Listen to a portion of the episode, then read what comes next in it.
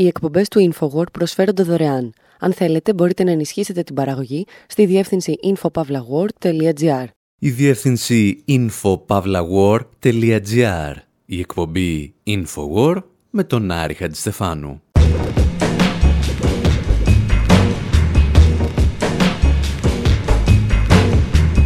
Όπου σήμερα αναρωτιόμαστε τι θέλουν τόσοι φασίστες και libertarians συγκεντρωμένοι στις αίθουσες που προβάλλεται η ταινία Dune. Αναζητούμε τα στοιχεία που κάνουν τους νεοναζί να λατρεύουν την ταινία και συνειδητοποιούμε ότι δεν ευθύνεται αναγκαστικά ούτε ο συγγραφέας του βιβλίου, ούτε ο σκηνοθέτης της ταινίας. Παρ' όλα αυτά, έχουμε μερικές βαριές κατηγορίες να τους απαγγείλουμε. Θυμόμαστε τις ημέρες που ο ένας ήταν απεργοσπάστης και ομοφοβικός και ο δεύτερος έστεινε την πιο οριανταλιστική ταινία στην ιστορία της επιστημονικής φαντασίας. Και ύστερα αλλάζουμε εντελώς θέμα. Προσπαθούμε να καταλάβουμε γιατί κάποιος που λατρεύει τα σκουλικόμορφα τέρατα του Ντιούν μπορεί να μίσει τα τέρατα που τρώνε μόνο μπισκοτάκια.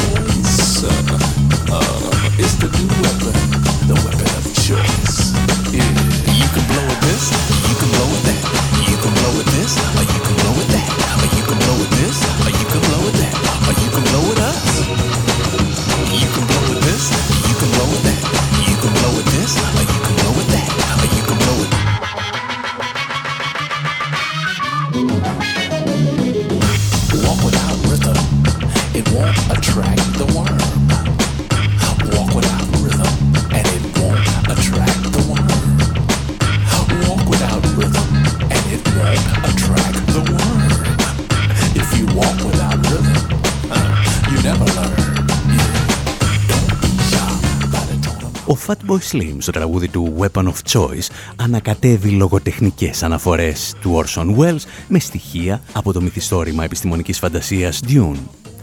Περπάτα λέει χωρίς ρυθμό και θα είσαι σίγουρος ότι δεν θα προσελκύσεις το σκουλίκι. Και όσοι έχετε διαβάσει το βιβλίο ή έχετε δει την ταινία, ξέρετε πως αναφέρεται στον ειδικό βηματισμό των ηθαγενών του πλανήτη Αράκης που δεν γίνεται αντιληπτός από τα τεράστια σκουλίκια της άμμου. Αν πάλι δεν έχετε δει την ταινία, μην φοβού. Θα καταλάβετε πού το πάμε.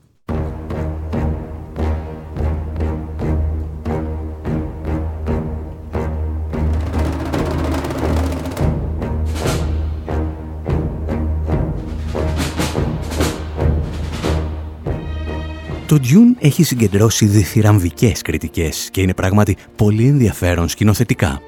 Αν και πολλοί υποστηρίζουν ότι σε ορισμένα σημεία εκλυπαρεί τον θεατή να το αντιμετωπίσει ως πιο σοβαρό από ό,τι είναι.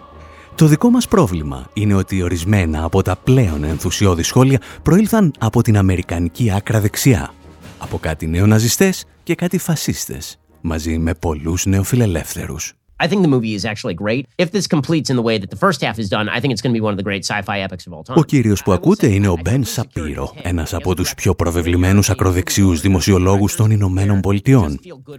Με κίνδυνο να χαρακτηριστούμε φυσιογνωμιστές, θα λέγαμε ότι είναι ο Κωνσταντίνος Μπογδάνος της Αμερικής με πιο καλοχτενισμένα φρύδια. Θα του δώσουμε όμως μια ευκαιρία να πει τι κατάλαβε από την ταινία. Essentially, the plot of the movie goes like this: You have House Atreides, which is led by Oscar Isaac. His son is Timothy Chalamet, and his concubine, who he never married, Η πλοκή είναι εξής. Ο οίκος των Ατριδών ελέγχεται από τον Λέτο, από το γιο του αλλά και την παλακίδα του, την οποία βέβαια δεν έχει παντρευτεί. Από την άλλη έχουμε τον οίκο του Χάρκονεν, που είναι κάτι σαν τη Σοβιετική Ένωση. Αυτές οι δύο οικογένειες μάχονται για την κυριαρχία στον πλανήτη Αράκης. Ο οίκος Χάρκονεν είχε τον έλεγχο του πλανήτη για 80 χρόνια, αλλά ο αυτοκράτορα τον προσφέρει τώρα στον οίκο των Ατριδών. Δεν ξέρουμε ποιος είναι ο αυτοκράτορας. Το μόνο που ξέρουμε είναι ότι φοβάται πως οι Ατρίδες θα αναλάβουν κάποια στιγμή την εξουσία. Τους αφήνει λοιπόν μόνο στον πλανήτη Αράκη για να παράγουν το πολυτιμότερο υλικό στο σύμπαν που ονομάζεται spice μπαχαρικό. Ουσιαστικά είναι κάτι σαν το πετρέλαιο για το σύμπαν.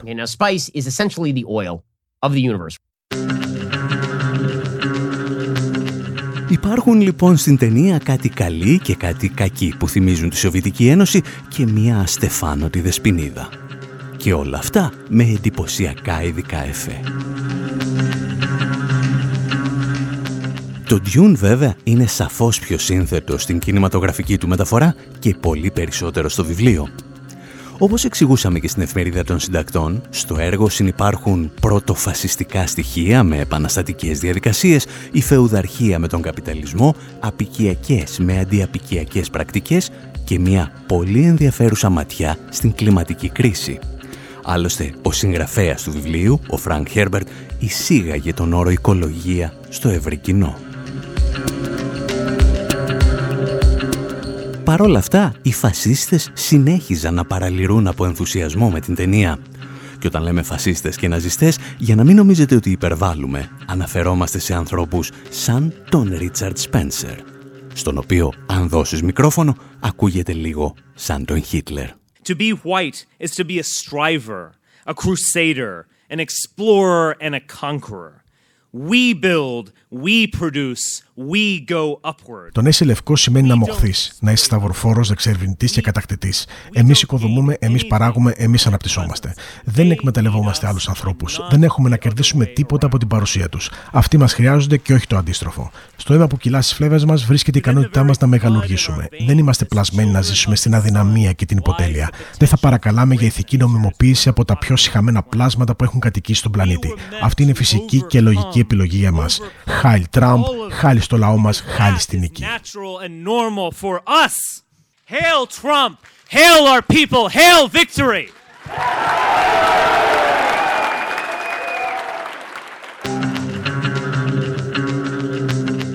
Εάν δεν καταλάβατε, ο κύριος μόλις είπε Zig Heil στα αγγλικά και οι οπαδοί του από κάτω άρχισαν να τον χαιρετούν ναζιστικά. Για να επιστρέψουμε όμως στην ταινία, η ταύτιση των ακροδεξιών με τον Dune ήταν τόσο μεγάλη, ώστε ακόμη και ο Σλαβόη Ζίζεκ εμφανίστηκε σχεδόν απολογητικός όταν εξηγούσε στο περιοδικό Jacobin ότι του άρεσε η ταινία. The one I like It's a little bit fascist, but I fall for it again. And now you will immediately... Η ταινία που εμένα μου άρεσε είναι λίγο φασιστική, αλλά την προτιμώ. Μου άρεσε το Dune. Ξέρω ότι υπάρχει κίνδυνος να μου επιτεθούν και να πούνε ότι ακολουθώ πρωτοφασιστικά πρότυπα. Αρκετοί πιστεύουν ότι αντικατοπτρίζει ένα είδος αποτυχημένης φασιστικής επανάστασης. Νομίζω όμως ότι δημιουργεί ένα ολόκληρο σύμπαν και μια κοινωνία πολύ καλύτερα από ότι ο άρχοντο των δαχτυλιδιών.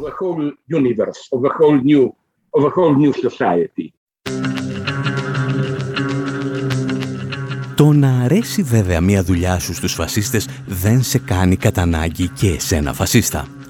Καλό είναι όμως να κοιτάς που και που το βιογραφικό σου. Μήπως κάπου πήρες τη ζωή σου λάθος. Και αυτό θα κάνουμε σήμερα με τον δημιουργό του βιβλίου Dune, τον συγγραφέα Frank Herbert, με μία μικρή βοήθεια από το συγκρότημα The Coup. Yeah. Dodging them one time.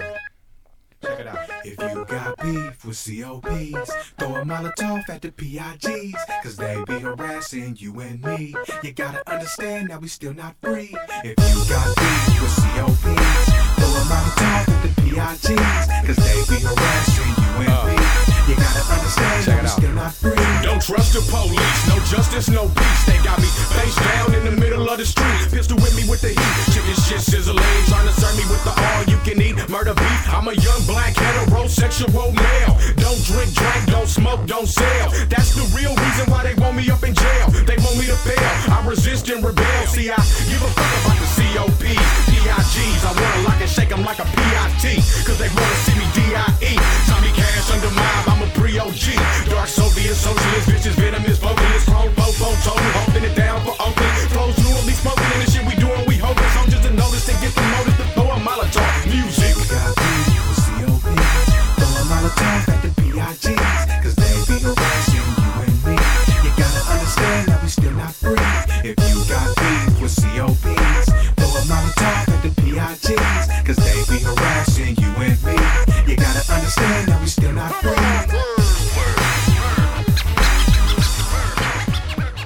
Butch Riley, σκηνοθέτης αλλά και ψυχή του συγκροτήματος The Coup, τραγουδάει για την αστυνομία σε ένα τραγούδι με τίτλο «Χοιρινό και Μοσχάρι». Συγκεκριμένα τραγουδάει για τις διώξεις των μαύρων και τις συγκρούσεις με την αστυνομία. Και όπως εξηγούσαμε και στο σχετικό αφιέρωμα που είχαμε κάνει στο Infowar, ο Ράιλι περιγράφει εδώ την ίδια του τη ζωή ή για την ακρίβεια τις συνθήκες της σύλληψής του. Όχι από την αστυνομία, από τη μητέρα του. Οι γονείς του Ράιλι γνωρίστηκαν στην ταραγμένη περίοδο του 1968 και συγκεκριμένα στο περίφημο κίνημα για την απελευθέρωση του τρίτου κόσμου, το οποίο πραγματοποιούσε μαχητικές κινητοποιήσεις στο Πανεπιστήμιο του Σαν Φρανσίσκο. Μόνο που σε εκείνες τις κινητοποιήσεις ο δικός μας ήρωας, ο συγγραφέας του Dune, Φρανκ Χέρμπερτ, βρισκόταν στην απέναντι πλευρά της ιστορίας. Εκείνα τα χρόνια, ο Χέρμπερτ αντέγραφε ό,τι έκανε ο μέντοράς του, ο πανεπιστημιακός Σάμιουελ Χαγιακάουα. Και εκείνος είχε λάβει μια συγκεκριμένη εντολή από τον τότε κυβερνήτη Ρόναλντ Ρίγκαν να σπάσει με κάθε μέσο τις κινητοποιήσεις και την απεργία στο Πανεπιστήμιο του Σαν Φρανσίσκο. Ο Φρανκ Χέρμπερτ είχε γεννηθεί και αυτός σε οικογένεια αριστερών και σοσιαλιστών, αλλά πέρασε στο αντίπαλο στρατόπεδο. Από πολύ νωρίς έγινε ακραίος αντικομμουνιστής και αντισοβιετικός, χαρακτηριστικά που μοιραζόταν με έναν μακρινό συγγενή του, τον διαβόητο γερουσιαστή Μακάρθη, τον άνθρωπο που οργάνωσε το αντικομμουνιστικό κυνήγι μαγισσών της δεκαετίας του 50. Ο Χέρμπερτ βέβαια δεν συμφωνούσε με το κυνήγι μαγισσών του Μακάρθη και αργότερα διαφώνησε και με τον πόλεμο του Βιετνάμ.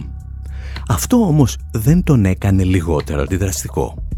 Βαθιά ομοφοβικός, με μίσος για κάθε λειτουργία του δημόσιου τομέα, έγινε ένας πολύ επιτυχημένος κειμενογράφος για ρεπουμπλικανούς πολιτικούς. Και μεγάλος θαυμαστής του Ρίτσαρντ Νίξον.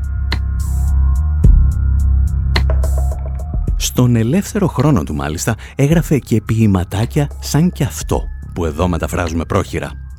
Ομοφιλόφιλοι γραφειοκράτες και ψευτόμαγκες όλοι ανατέλουν πριν πέσουν στο απόλυτο σκοτάδι.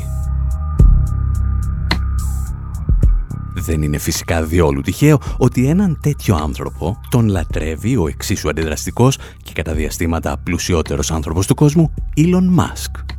Τον λατρεύει όμως και η σύντροφός του, η Grime, η οποία εμπνεύστηκε από το Dune για να γράψει το πρώτο της μουσικό άλμπουμ.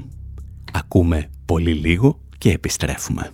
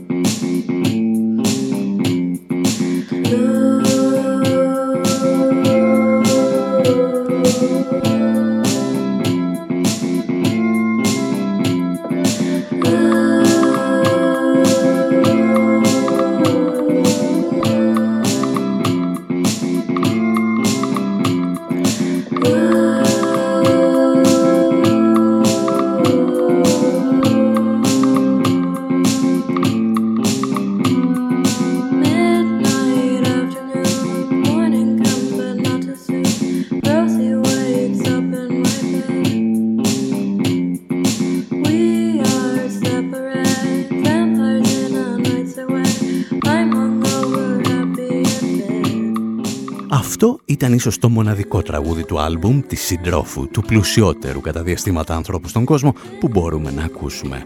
Και γι' αυτό λέμε να μην σας ταλαιπωρήσουμε περισσότερο.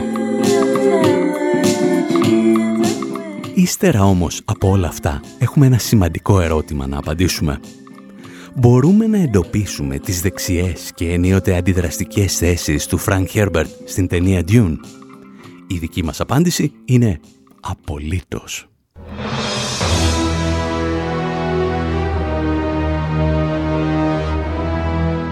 Το Dune φαίνεται να συνδυάζει τις χειρότερες πλευρές δύο διαφορετικών κόσμων, της φεουδαρχίας και του καπιταλισμού. Όταν μάλιστα ο στρατός του οίκου των Ατριδών παρατάσσεται στην έρημο, ξυπνούν οι χειρότερες μνήμες από την εισβολή και κατάληψη του Ιράκ. Και αυτή να σκεφτείτε, είναι η καλή της ιστορίας. Προφανώς, σε μισή ραδιοφωνική εκπομπή δεν θα μπορούσαμε να θίξουμε ούτε την επιφάνεια της ιστορίας. Και έτσι θα αδικούσαμε το σύμπαν που δημιούργησε ο Χέρμπερτ. Γι' αυτό σκεφτήκαμε να εστιάσουμε σε ένα μόνο σημείο. Την αντίσταση των ηθαγενών του πλανήτη Αράκης. Μια ιστορία που θυμίζει σε ορισμένους τον αντιαπικιακό αγώνα αρκετών αραβικών και αφρικανικών χωρών της δεκαετίας του 60. Μόνο που και εδώ έχουμε ένα σημαντικό πρόβλημα. Όπως έγραφε στην εφημερίδα Haaretz ο Ισραηλινός πανεπιστημιακός Όφρι Ιλάνη, το έργο περιλαμβάνει πολλές τουρκικές, περσικές και αραβικές λέξεις, μαζί με αναφορές στο Κοράνι και τον πολιτισμό των Βεδουίνων. Με αυτόν τον τρόπο, λέει, φέρνει στο προσκήνιο τον Ισλαμικό και Αραβικό κόσμο, τον οποίο η Δύση αγνοεί προκλητικά στις μεγάλες αφηγήσεις της. Ο Ιλάνη βέβαια αναγνωρίζει ότι το Dune είναι το πιο οριενταλιστικό βιβλίο στην ιστορία της επιστημονικής φαντασίας. Αναπαράγει δηλαδή το σύνολο των στερεοτύπων που έχει ειδήσει για την Ανατολή. Και για να καταλάβουμε καλύτερα τι εννοεί μιλώντας για οριενταλισμό, σκεφτήκαμε να ακούσουμε τον άνθρωπο που επινόησε τον όρο, τον μεγάλο Παλαιστίνιο διανοητή Εντουάρτ Σαΐντ. If somebody, let's say in the 1850s or 60s in Paris or London, wished to talk about or read about India, Εάν κάποιος στη δεκαετία του 1850 ή του 1860 ζούσε στο Λονδίνο ή το Παρίσι και ήθελε να διαβάσει για την Ινδία, την Αίγυπτο ή τη Συρία, ήταν σχεδόν αδύνατο να αντιμετωπίσει το θέμα με ελεύθερο και δημιουργικό τρόπο. Είχαν γραφτεί πολλά το προηγούμενο διάστημα. Και αυτό είχε γίνει με οργανωμένο τρόπο, με τη μορφή μιας επιστήμης. Αυτό που εγώ αποκαλώ οριενταλισμό.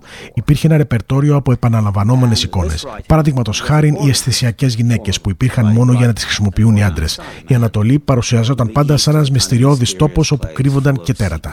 Όσο διάβαζα, καταλάβαινα ότι αυτός ο τρόπος σκέψης αναπαρήγαγε τον εαυτό του. Δεν είχε καμία σχέση με τους ανθρώπους που είχαν βρεθεί σε αυτές τις περιοχές.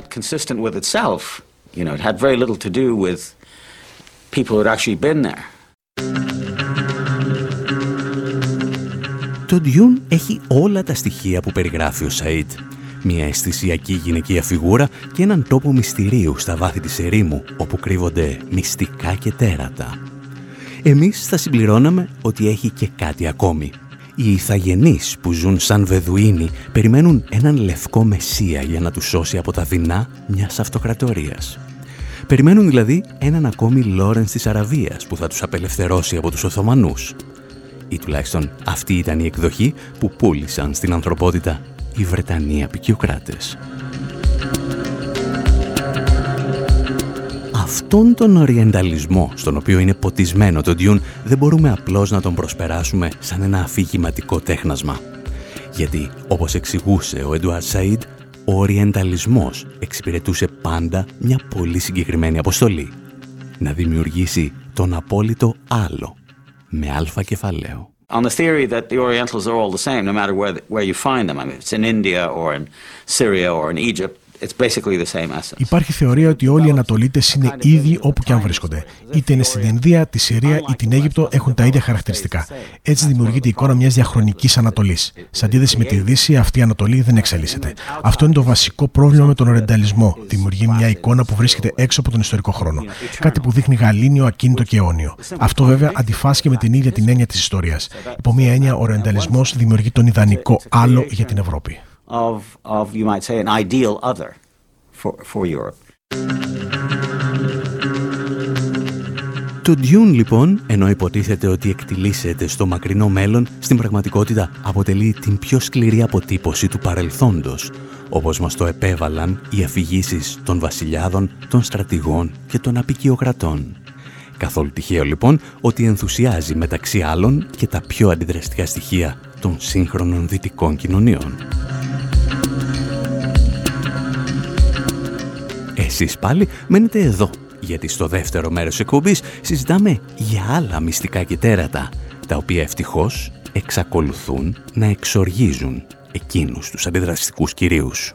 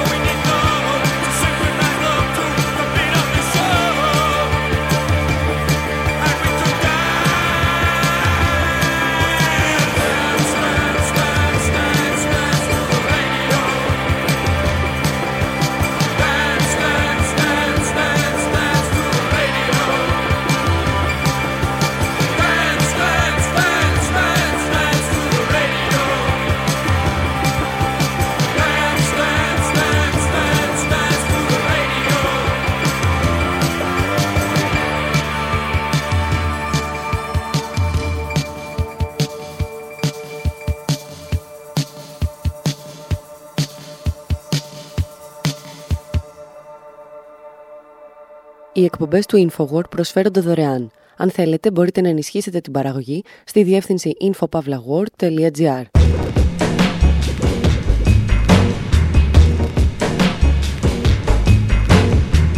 Εκπομπή InfoWord μέρος δεύτερο όπου αφού είδαμε κάτι ακροδεξιούς να λατρεύουν τα τέρατα του Ντιούν, παρακολουθούμε τους ίδιους ανθρώπους να τα βάζουν με το κίτρινο πουλί και το μπλε τέρας που τρώει μπισκοτάκια στην παιδική σειρά Sesame Street. Βλέπουμε αντιεμβολιαστές να εξοργίζονται με τον Big Bird και θυμόμαστε ότι η συγκεκριμένη παιδική σειρά βρίσκεται στο στόχαστρο του Ρεπουμπλικανικού Κόμματος εδώ και δεκαετίες.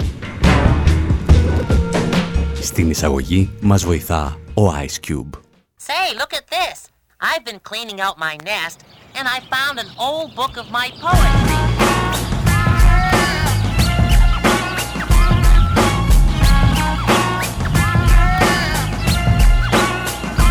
Fresh out of school, cause I was a high school grad. Got to get a job, cause I was a high school dad. Wish I got paid by rapping to the nation, but that's not likely. So here's my application. Pass it to the man at AT&T.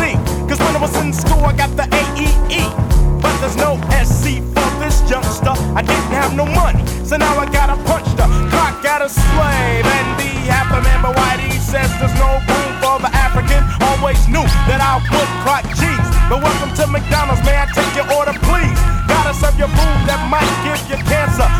Cause my son doesn't take no for an answer. Now I pay taxes that they never give me back. What about diapers, bottles, and Similac? Do I have to sell me a whole lot of crack for decent shelter and clothes on my back? Or should I just wait for help from Bush or Jesse Jackson and Operation Push? If you ask me, the whole thing needs a Ο Ice Cube δανείζεται τη φωνή και μερικές ιστορίες από το περίφημο Big Bird για να διηγηθεί τα δικά του προβλήματα. Και το τραγούδι, όπως και το άλμπουμ, ακούει στο όνομα A Bird in the Hand, ένα πουλί στο χέρι. That's a kilo. Now everybody know I went from Αυτή την εβδομάδα πάντως τα μεγαλύτερα προβλήματα τα είχε ο Big Bird και όχι ο Ice Cube. Σε σειρά από εμφανίσεις στην τηλεόραση αλλά και σε tweet που έστελνε από το λογαριασμό του Sesame Street ζητούσε να μάθει τι είναι τα εμβόλια και πότε θα μπορούσε να κάνει και αυτός ένα. All right. Uh, my question is,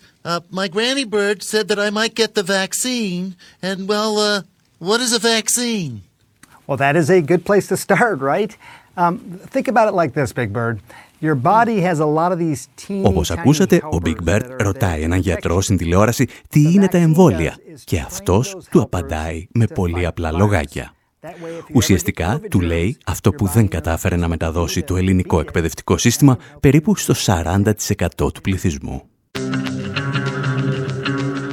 Το Αμερικανικό κράτος λοιπόν, προκειμένου να προωθήσει το πρόγραμμα εμβολιασμού, ενίσχυσε έναν αγαπημένο ήρωα των παιδιών, τον Big Bird, ένα μεγάλο κίτρινο φτέρωτο πουλί. Περίπου δηλαδή ό,τι έκανε και η κυβέρνηση Μητσοτάκη στην Ελλάδα με το πακέτο Πέτσα. Πήρε τα χρήματα των φορολογούμενων και τα έδωσε σε κάτι παπαγάλους. Η κατάσταση βέβαια ήταν αρκούντος τραγική και στις Ηνωμένες Πολιτείες, γιατί μόλις ο Big Bird μίλησε για εμβόλια, δέχτηκε σφοδρή επίθεση από τον Ρεπουμπλικάνο γερουσιαστή Ted Cruz.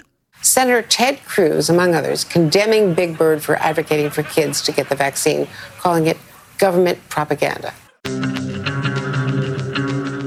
Ο Ted Cruz λοιπόν κατηγόρησε ένα μεγάλο κίτρινο πουλί για κυβερνητική προπαγάνδα και συμπλήρωσε ότι ένα απολυταρχικό κράτος του αρνείται το δικαίωμα να λάβει ιατρικές αποφάσεις για τον εαυτό του.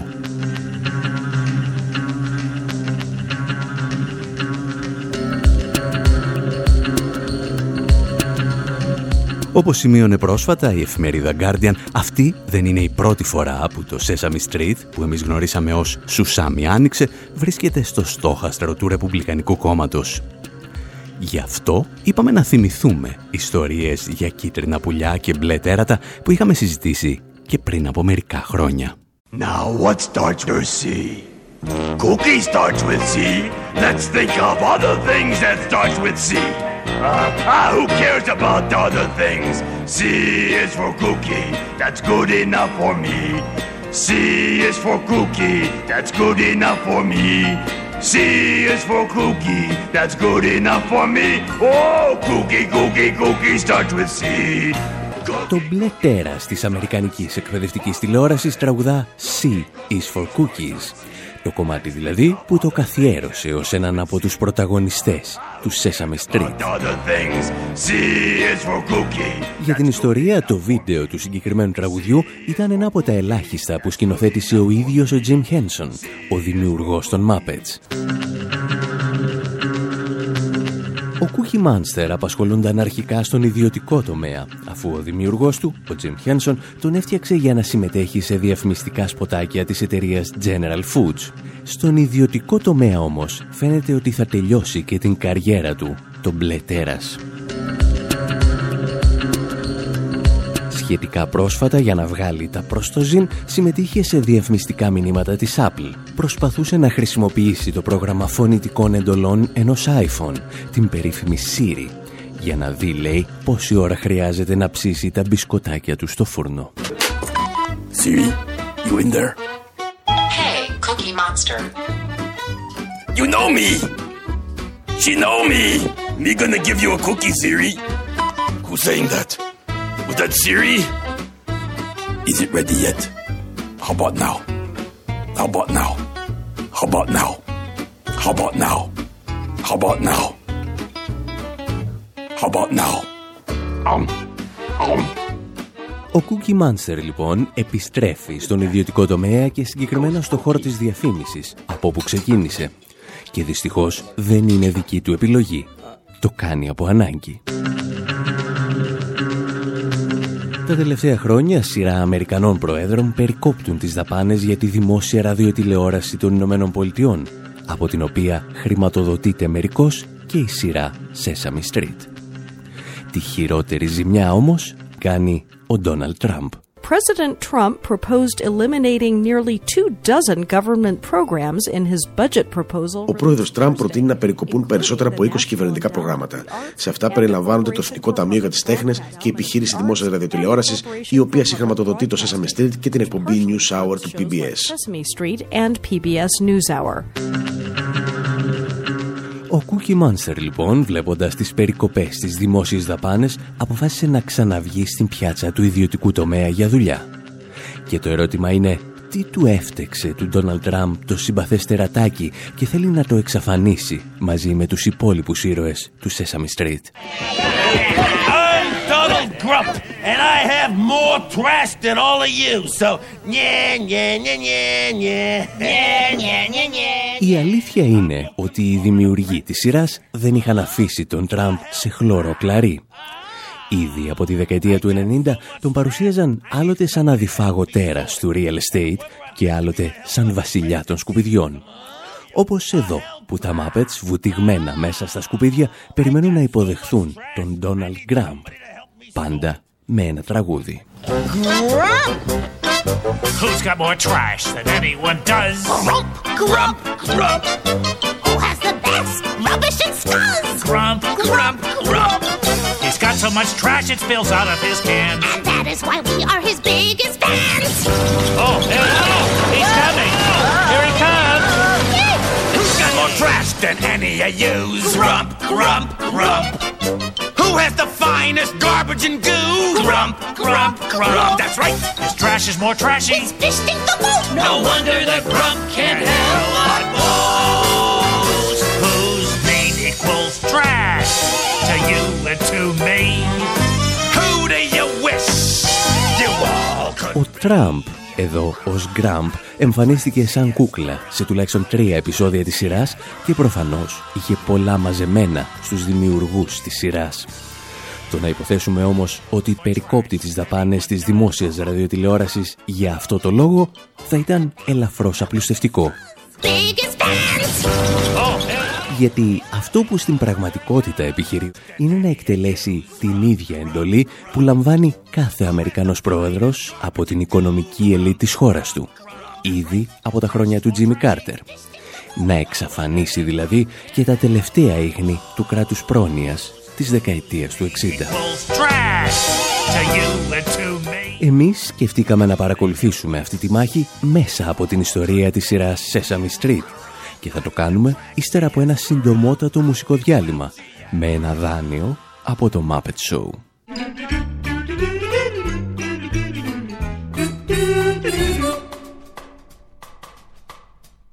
Phenomena. Phenomena.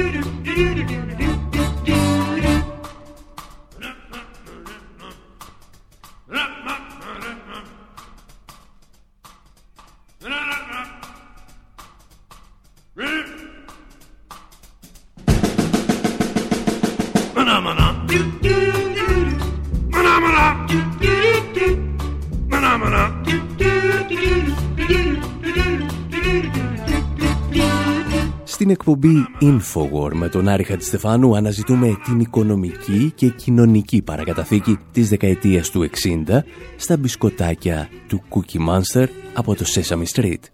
Τη σειρά δηλαδή που γνωρίσαμε στην Ελλάδα ως Σουσάμι Άνοιξε. Η σειρά γεννήθηκε στα τέλη της δεκαετίας του 60 σαν μια προσπάθεια εκπαιδευτικών, παιδοψυχολόγων και κοινωνικών λειτουργών να χρησιμοποιήσουν όπως έλεγαν τα εθιστικά χαρακτηριστικά της τηλεόρασης για καλό σκοπό. Με τη σύνδρομη του περίφημου Jim Henson που δημιούργησε τα Muppets δανείστηκαν στοιχεία από τη γλώσσα της τηλεόρασης και τους κανόνες της διαφήμισης για να κρατούν προσιλωμένα τα παιδιά στο μάθημα για σχεδόν 60 λεπτά και τα κατάφερναν μια χαρά.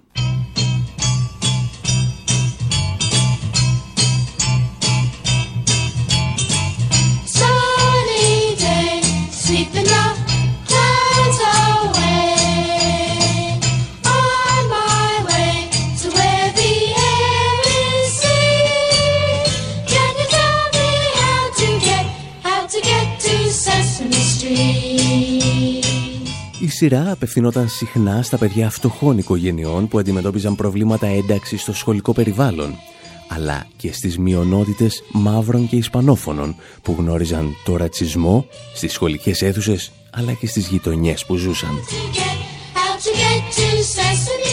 Στρατιές Αμερικανών επιστημόνων συνεργάζονταν με επαγγελματίες σκηνοθέτες για να δημιουργήσουν μια εκπαιδευτική τηλεόραση που δεν θα σε μάθαινε απλώς τα χρώματα και την αλφαβήτα, αλλά θα έστελνε μηνύματα κατά του ρατσισμού και του σοβινισμού.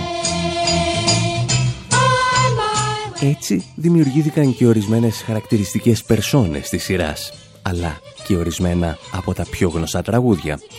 Όπως εδώ που ένα μαύρο κοριτσάκι μαθαίνει στα παιδιά με ίδιο χρώμα να αγαπούν τα μαλλιά τους που είναι διαφορετικά από αυτά των λευκών παιδιών. Don't need a trip to the beauty shop, cause I love what I got on top. It's curly and it's brown, and it's right up there. You know what I love, that's right. My hair, I really love my hair.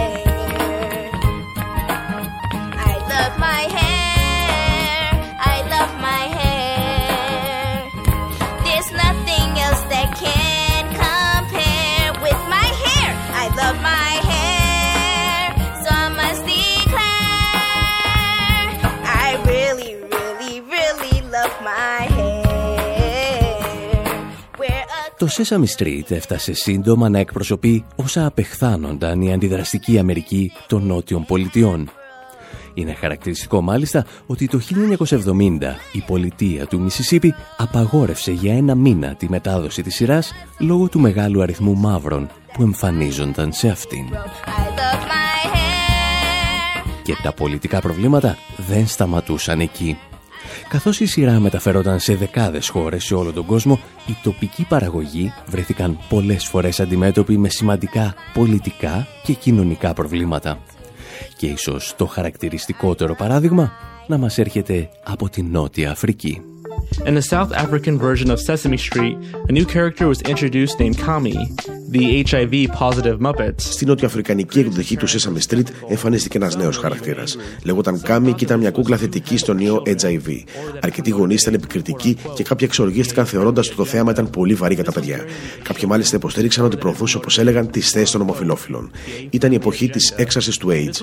Αργότερα μάθαμε ότι η Κάμι γεννήθηκε ως φορέας του ιού HIV και πω η μητέρα της είχε πεθάνει από AIDS. With HIV, and that her mother died of AIDS. Οι αντιδράσεις για τη συγκεκριμένη ηρωίδα δεν περιορίστηκαν φυσικά στη Νότια Αφρική, αλλά πέρασαν γρήγορα και στις Ηνωμένες Πολιτείες. Αμερικανοί γερουσιαστές κατέθεταν ερωτήσεις, ζητώντας να μάθουν αν η Κάμι θα κάνει την εμφάνισή της και στα επεισόδια που προβάλλονταν στη χώρα τους. Προς τιμήν του πάντως, ο τότε πρόεδρος Bill Clinton ετοίμασε σε συνεργασία με τη UNICEF ένα βιντεάκι στο οποίο μιλούσε για τον ιό HIV με την Κάμι. Και όταν αυτή του το ζήτησε, την πήρε μια μεγάλη αγκαλιά. And, and do you tell everybody that it is okay to hug someone who is HIV positive like me? I sure do, Cammy. that makes me very happy. Give me a hug. Make a difference. Talk to your children about HIV and AIDS. Για χρόνια το Sesame Street επέτρεπε στην Αμερική να δείχνει τον καλύτερο αλλά και τον χειρότερο εαυτό της. Και ακόμη, να φανταστείτε, εμείς δεν έχουμε μιλήσει για τις αναφορές ή τις μη αναφορές στην ομοφιλοφιλία ή τη δημοσιογραφία των σκουπιδιών. Sometimes I have trouble falling asleep, but it's not so bad. Not again. I don't worry ah. and I don't weep. In fact, I'm glad. Because I get up off my pillow and I flip on the light. I get down turn the light back off. in the still of the night. I stretch and I yawn and then I breathe real deep and dance myself to sleep. Oh, I hoof around my Betty, just a tapping my toes. Before I know what's happening, I'm ready to doze. Got some partners I can count on, called the Boogie Woogie Sheep. What? I dance myself to sleep. I don't believe I gently rock by myself Honey. across the floor. Honey. I turn and then I toss and then I start to snore. My trusty little bugle helps me spread the news that I'm tapping two taps and I'm a raring to snooze. Oh, not the bugle.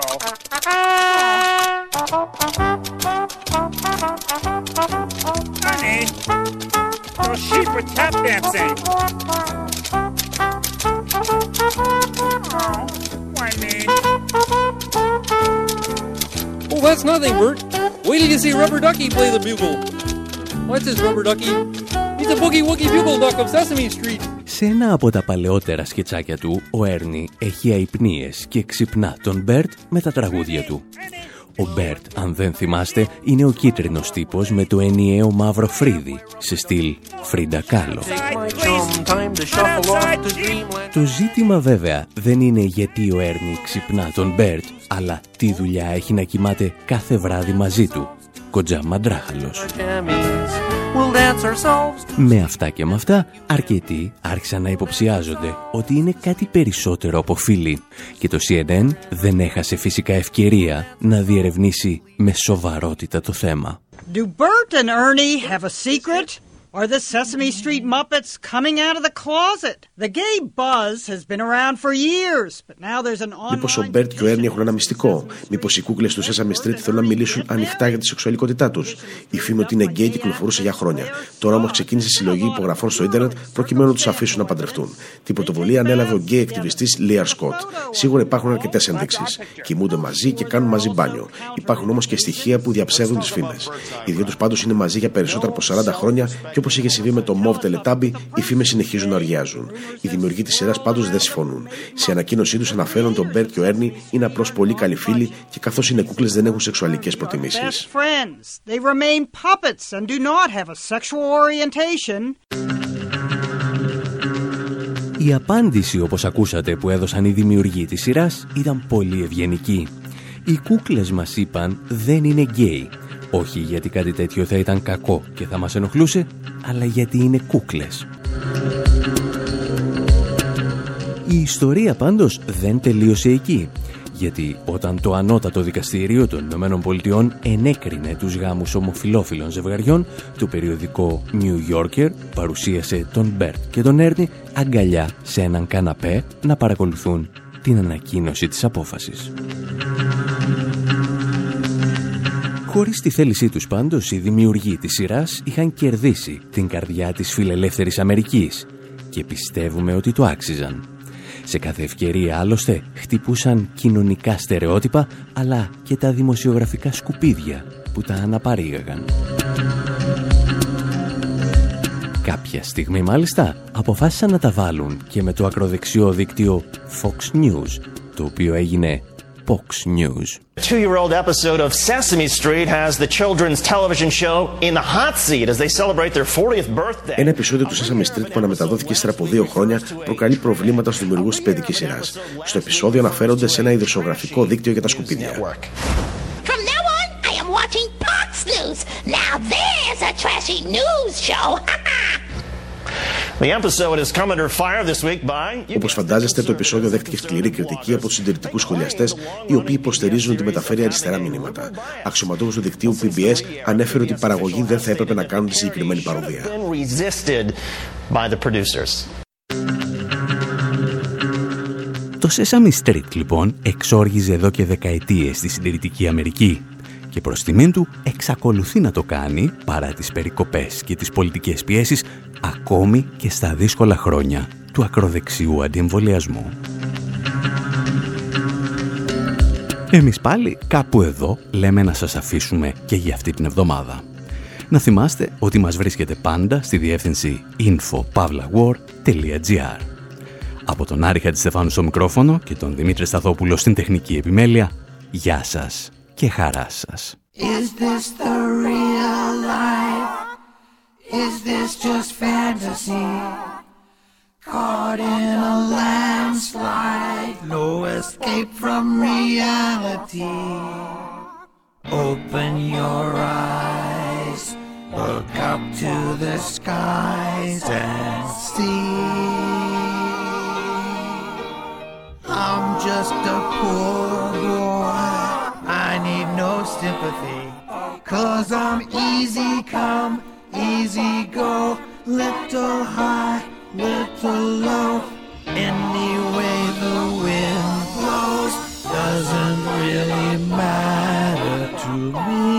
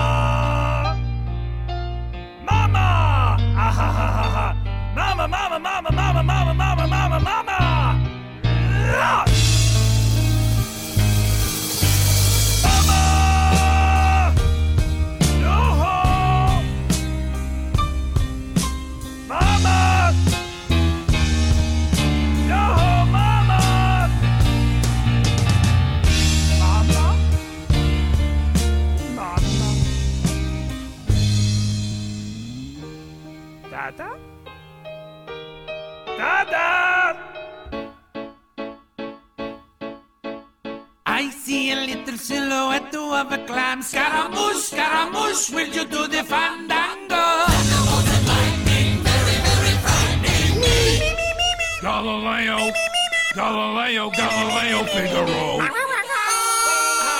I'm just a poor boy, nobody loves me. He's just a poor boy from a poor family, sparing his life from this monstrosity. No, no, no. Easy come, easy go. Will you let me go? No, no. Let me through. No, no, they will not let you throw. Let me blow. No, no, they will not let you blow. Let me choke. Do not like your jokes. Let me choke. Do not like your jokes. Let me choke. No, no, no, no, no, no, no. Vernigini, Vernigini.